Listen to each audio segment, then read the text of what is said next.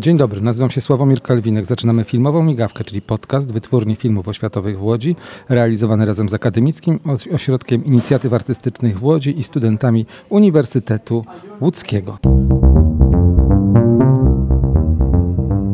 To jest podcast WFO.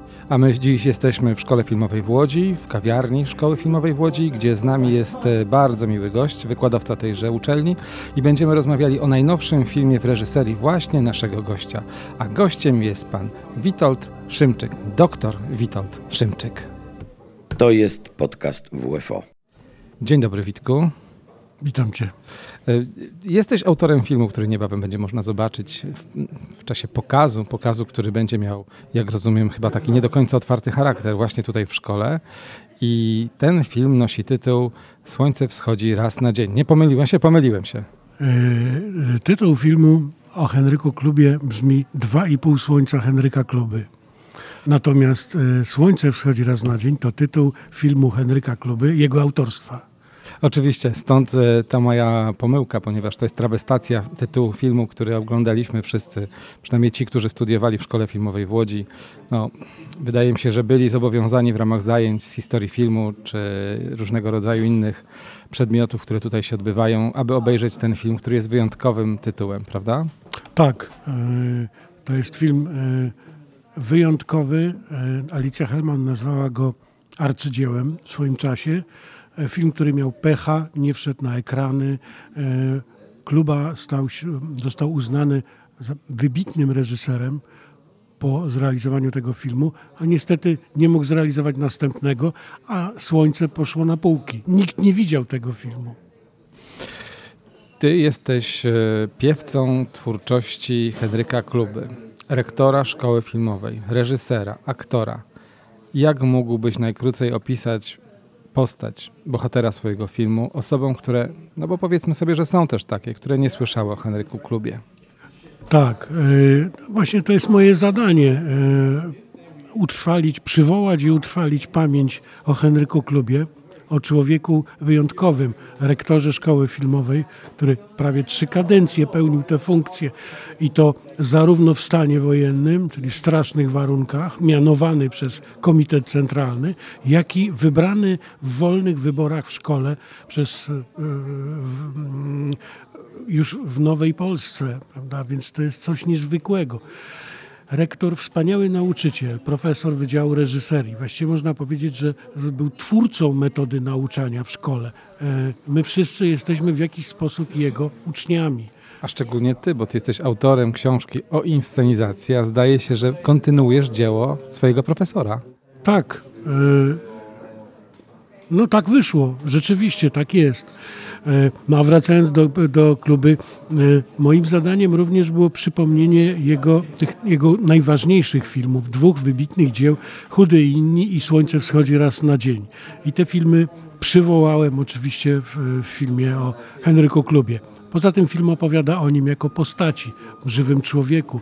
Opowiada też o tragediach, które go spotkały i nieszczęściach w postaci no na przykład filmu e, Pięć i pół Bladego Józka, którego negatywy, negatywów połowę zniszczono fizycznie.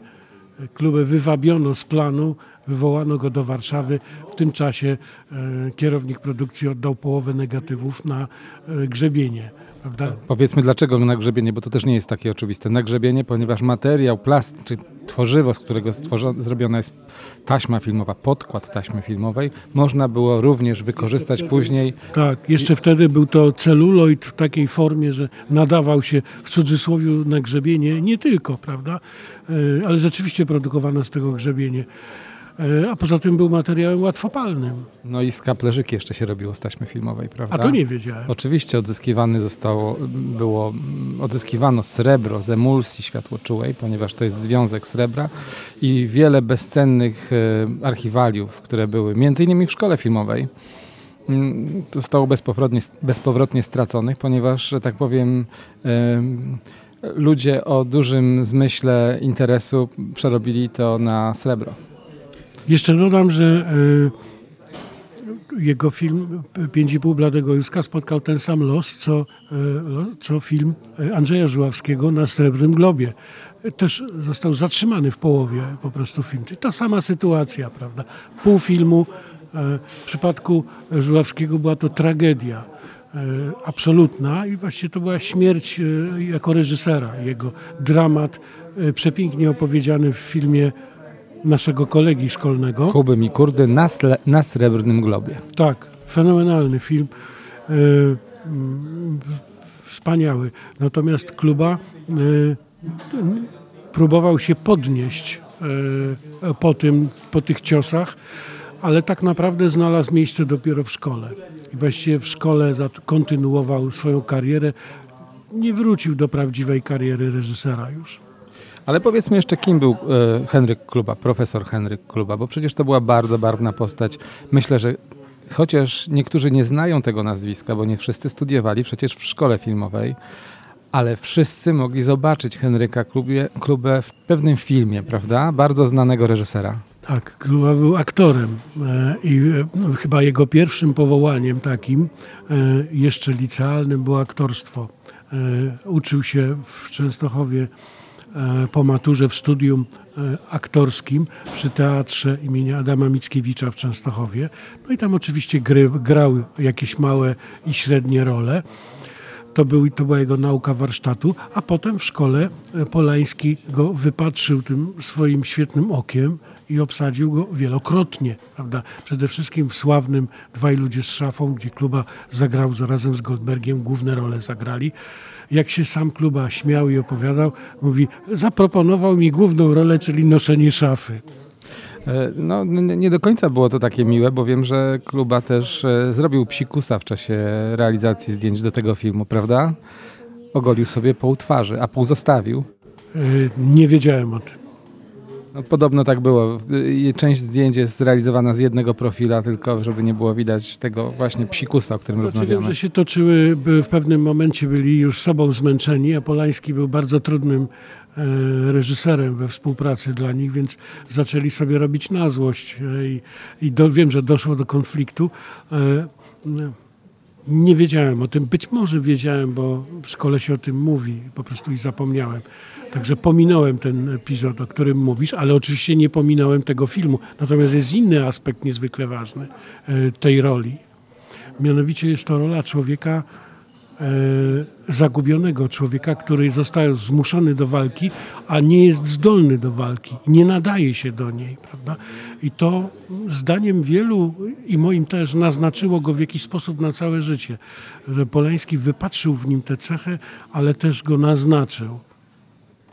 Za chwileczkę wrócimy do naszego gościa i do naszej rozmowy, a w tej chwili przerwijmy wywiad i posłuchajcie Państwo, gdzie można słuchać i nieraz też oglądać e, podcasty pod tytułem Filmowa Migawka. A naszych podcastów możecie Państwo słuchać na platformach YouTube, Spotify, Apple Podcast i Google Podcast oraz na wszystkich innych serwisach streamingowych służących do słuchania audycji dźwiękowych i wideo. Zapraszam serdecznie do subskrybowania i lajkowania naszych produkcji. A my wracamy do naszej rozmowy. Naszym gościem jest pan dr Witold Szymczyk, autor filmu o Henryku Klubie, o którym w tej chwili rozmawiamy. Film będzie miał niedługo swoją premierę i pierwszy pokaz właśnie w kinie Szkoły Filmowej w Łodzi, a być może później dalszą, dalsze życie. E, jak skonstruowałeś e, opowieść o tym bardzo skomplikowanym człowieku, o bardzo skomplikowanym życiorysie? No właśnie, to było... Yy najtrudniejsze zadanie może oprócz drugiego, czyli jak dokonać wyborów, prawda? Były rzeczy, które w sposób oczywisty się musiały znaleźć w tym filmie, ale było wiele rzeczy, opowieści i anegdot, które się nie zmieściły e, ku mojemu ubolewaniu. A więc wybor, wybory były pierwszą e, trudną rzeczą, a drugą konstrukcja, z którą walczyłem od początku. Przede wszystkim film miał być opowiedziany e, zupełnie inaczej. E, punktem wyjścia był e, nieznana zupełnie postać e, dla wielu osób, mianowicie syn Henryka Kluby, który wychował się w Szwecji. I to miała być podróż Grzegorza e, z małej szwedzkiej miejscowości, przepięknej zresztą, poznanie tam jego szkoły, której się uczył i podróży do Polski. I na statku, na promie mieliśmy zacząć opowieść o poznaniu własnego ojca, prawda? Y, A dlaczego poznaniu własnego ojca? Przecież ojca zazwyczaj się zna jednak. Właśnie.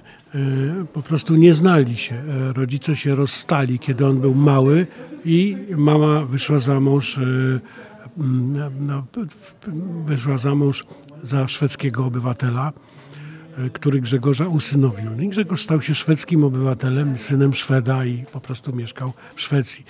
E, właściwie mówił lepiej znacznie po szwedzku niż po polsku, jak tu przyjechał. A poznaliśmy się w szkole. Grześ był ze mną na roku i zaprzyjaźniliśmy się mocno. Był tu zagubiony bardzo. Trudno się dziwić, no bo poznał na nowo swój dom, prawda? E, I od początku swojego ojca. Więc wydawało mi się to opowiadanie w tej osi bardzo ciekawe.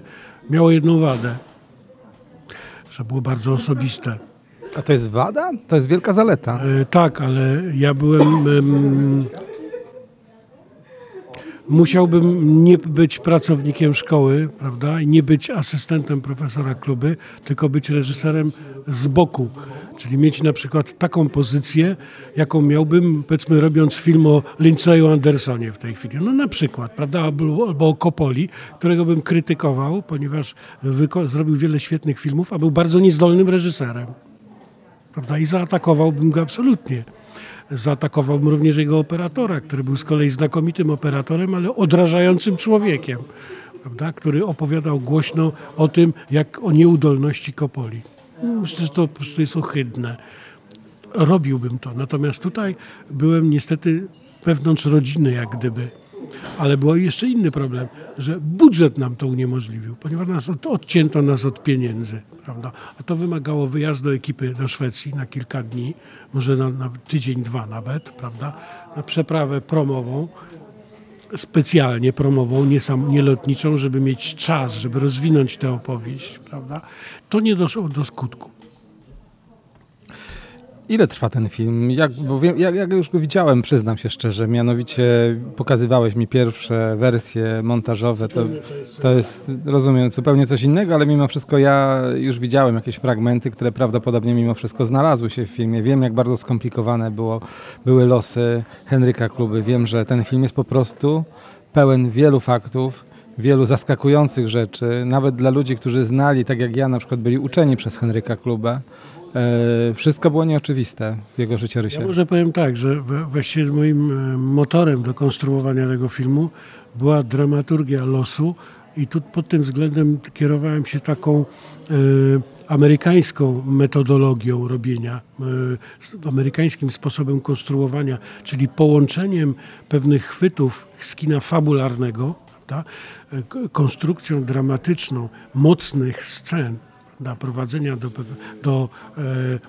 konfrontacji e, sytuacji, jego konfrontacji oczywiście z sytuacją i takiego nagromadzenia faktu, które e, kumulowały się budząc zdumienie, jak można wytrzymać coś takiego na, na przykład.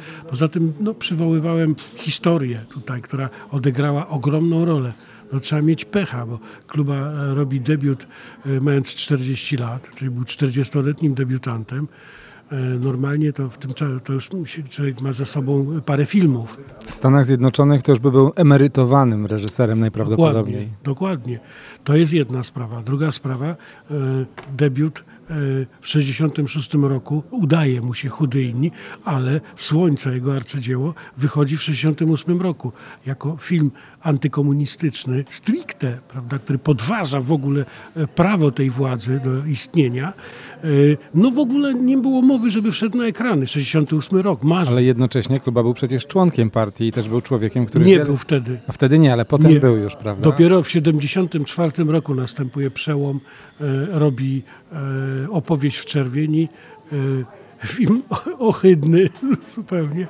Jest to propaganda, prawda, okropna zły film poza tym. No, próbował jako czyk inteligentny, wrażliwy reżyser z doświadczeniem, no ale propaganda wyłazi tam po prostu jak słoma z butów okropnie.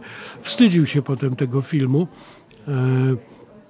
Ale jeszcze jedną rzecz powiem, bo tutaj słyszymy różne odgłosy, słychać było brzęczenie jakichś dziwnych urządzeń, które nas otaczają, słychać y, gwar rozmów. Proszę Państwa, jesteśmy w budynku Z Szkoły Filmowej w Łodzi przy ulicy Targowej 61 przez 63. Wokół nas jest tętniące życie studenckie y, studentów Szkoły Filmowej i również y, tych, którzy przyszli na festiwal Dog, do, Millennium Dogs Against Gravity, bo w tej chwili akurat on się odbywa u nas w szkole. I muszę powiedzieć, że budynek, w którym jesteśmy, to jest zasługa, to jest chluba bohatera Twojego filmu. Ja sam pamiętam, bo wtedy już byłem studentem, jak ten budynek powstawał. Tak.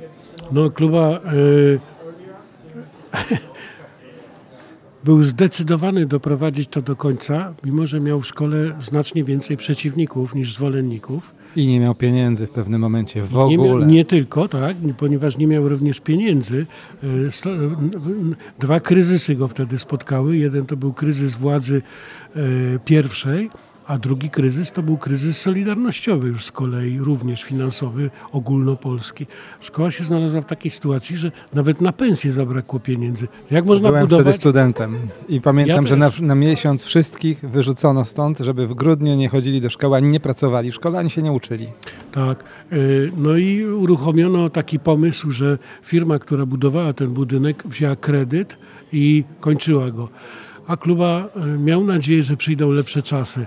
I te lepsze czasy się zdarzyły. A, i powiedział, Ale ryzykował bardzo dużo. tak, kierownik toku studiów, y, y, który pompał prawą ręką kluby, Bogdan Parzyjagła, opowiada, że kluba mówił, słuchaj Boguś, będziesz mi przynosił paczki do więzienia, bo mówi, na pewno mnie za to wsadzą. Mówi, to, na pewno mnie wsadzą za to. Y, Miał świadomość tego po prostu. Czyli był nie tylko artystą, nie tylko reżyserem, aktorem, ale również był menadżerem i to w dodatku takim, który potrafił zaryzykować i wygrać na tym ryzyku. Ja ze swojej strony mogę powiedzieć, że pamiętam profesora, bo z nim miałem zajęcia właśnie z inscenizacji filmowej i pamiętam, że wydawało się, że on będzie żył wiecznie, a Tak. jednak nagle umarł. Tak, umarł nagle. E, tak się film zaczyna. Umarł nagle. E, bardzo lubił jeździć do Konina, gdzie odbywa się ogólnopolski festiwal filmów amatorskich. To bardzo taka sympatyczna, zacna impreza. Był tam przewodniczącym e, i tego dnia mm, bardzo długo pracował w nocy.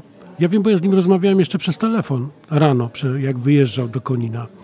E, Rano. W południe Spotkałem go w ogóle kilka dni przed śmiercią. Przecież byliśmy bardzo blisko, byłem jego asystentem w szkole. wtedy. I też jesteś z Częstochowy. Dokładnie, tak. Krajan kluby, tak. Z jednej wsi jesteśmy. I spotkałem go, e, bardzo mnie zmartwił, bo pierwszy raz w życiu widziałem, był nieobecny po prostu po- podczas rozmowy. Na ulicy rozmawialiśmy. Był nieobecny zupełnie. Jakby był zagubiony, był, nie był sobą. E, I pojechał do Konina. W Koninie zaczęła się impreza. On był po bypassach. Nie wolno było mu pić. Tam jakaś straszna pogoda się zrobiła, tak spadło ciśnienie e, w Koninie. E, Ja zbadałem tę sprawę do końca, jakby źle się poczuł, no ale oczywiście wziął udział w kolacji, oczywiście był koniak, prawda, oczywiście wytrąbił, ponieważ miał olbrzymie możliwości, potrafił wypić straszne ilości To alkoholu. było inne pokolenie. Sam nie ostatnio spotkałem się. się z Jerzym Hoffmanem. Wiem, o czym mówię. No, tak. I nie upijał się. E, poczuł się źle e, podczas tej kolacji, pojechał do hotelu i w nocy próbował wstać, otworzyć okno i w tym momencie zmarł. Otwierając okno i patrząc w niebo. Wyjechał na festiwal jak artysta i tam odszedł. Tak. E, No i wszyscy byliśmy zaskoczeni bardzo tą śmiercią, przybici. Ja w ogóle w to nie mogłem, nie dotarło to do mnie, kiedy zadzwoniła Sabina, nasza szefowa naszego dziekanatu do mnie. Zwanego Sabinatem reżyserem. Danego Sabi, Sabinatem reżyserii, tak. E, Zadzwoniła do mnie rano w sobotę, to po prostu mowę mi odjęło, nie wiedziałem co powiedzieć, nie wierzyłem w to. Filip, jak z nim później rozmawiałem, Zylber, jego wychowanek, też mówił, że nie, nie, w ogóle nie uwierzył w to. Jakaś pomyłka, nie dotarło to do niego.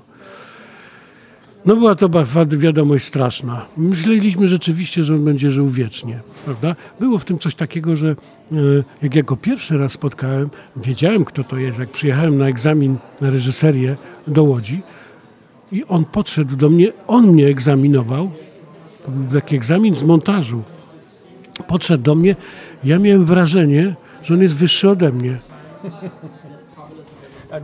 Tutaj dla Państwa podpowiedź, on nie był wysoki.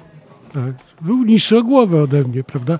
A ja w pamięci miałem rozmowę z nim. W tej roz... Widziałem, prawda, w, w, wspominając tę rozmowę, widziałem go jako wyższego ode mnie o głowę. To była nieprawda oczywiście, prawda? Takie zrobił wrażenie na mnie wtedy. Kończąc rozmowę, zaproś jeszcze proszę, jeżeli Państwo będą mogli przez przypadek albo zupełnie nie przez przypadek znaleźć się w okolicach Szkoły Filmowej w Łodzi, gdzie będzie można zobaczyć Twój film. 31 e, maja, to jest środa, o godzinie 15.40 e, w, w kinie szkolnym, w sali projekcyjnej, prawda, w budynku rektoratu w roku 2023. Dziękuję bardzo za rozmowę. Naszym gościem był pan Witold Szymczyk, który jest autorem filmu o Henrykie, Henryku Klubie. Filmu pod tytułem Dwa i pół słońca Henryka Kluby. To był podcast Filmowa Migawka. A my żegnamy się już z Państwem. E, nasz podcast Filmowa Migawka dobiega już końca. Zapraszamy na następne tego typu spotkania. Pamiętajcie, żeby subskrybować i lajkować nasze podcasty. Jesteśmy obecni na wszystkich większych platformach streamingowych. Zapraszam serdecznie już za tydzień następny odcinek. Do usłyszenia Państwu żegna się Sławomir Kalwinek. To był podcast Filmowa Migawka.